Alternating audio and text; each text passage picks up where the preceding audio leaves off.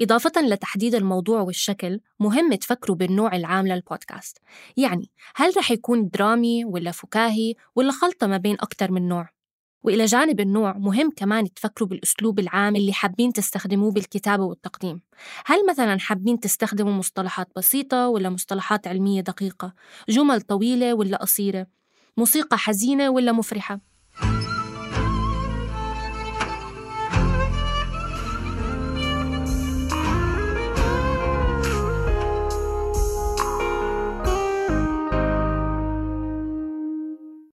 حلقة بدكم تنتجوا وقديش طول الحلقة الواحدة؟ في أكثر من عامل ممكن يساعدكم تقرروا النوع والنبرة العامل الأول بيتعلق بالموضوع الأساسي للبودكاست والعامل الثاني بيتعلق بالجمهور.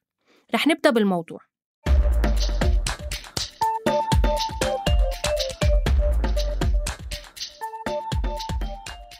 الثيمة الأساسية اللي بتختاروها إلها دور كبير بتحديد النوع. يعني لنفترض حابين تنتجوا بودكاست عن انتهاكات العمال أو مثلا عن التحرش الجنسي.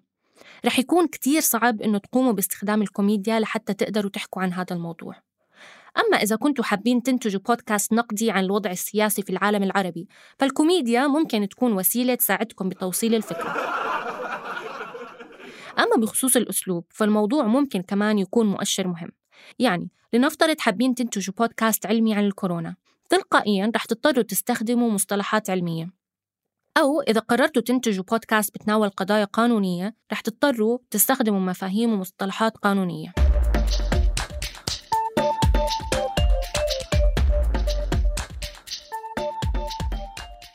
العامل الثاني اللي بيأثر على اختيارنا للنوع والنبرة هو الجمهور المستهدف.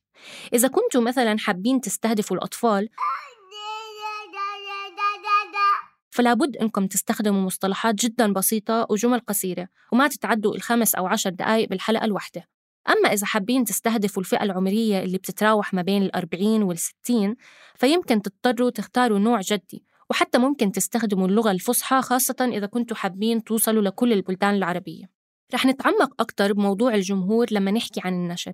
ولكن بهاي المرحلة مهم إنكم على الأقل تبدأوا تفكروا بالأشخاص اللي حابين توصلوا لهم وشو الأنواع والنبرات اللي بتتوقعوا تكون مناسبة لإلهم. طبعا رغم اختلاف المواضيع الفرعية والزوايا المطروحة بكل حلقة الأسلوب العام عادة بضل نفسه لحتى يخلق طابع محدد وهوية واضحة من الممكن أن المستمعين يتفاعلوا معها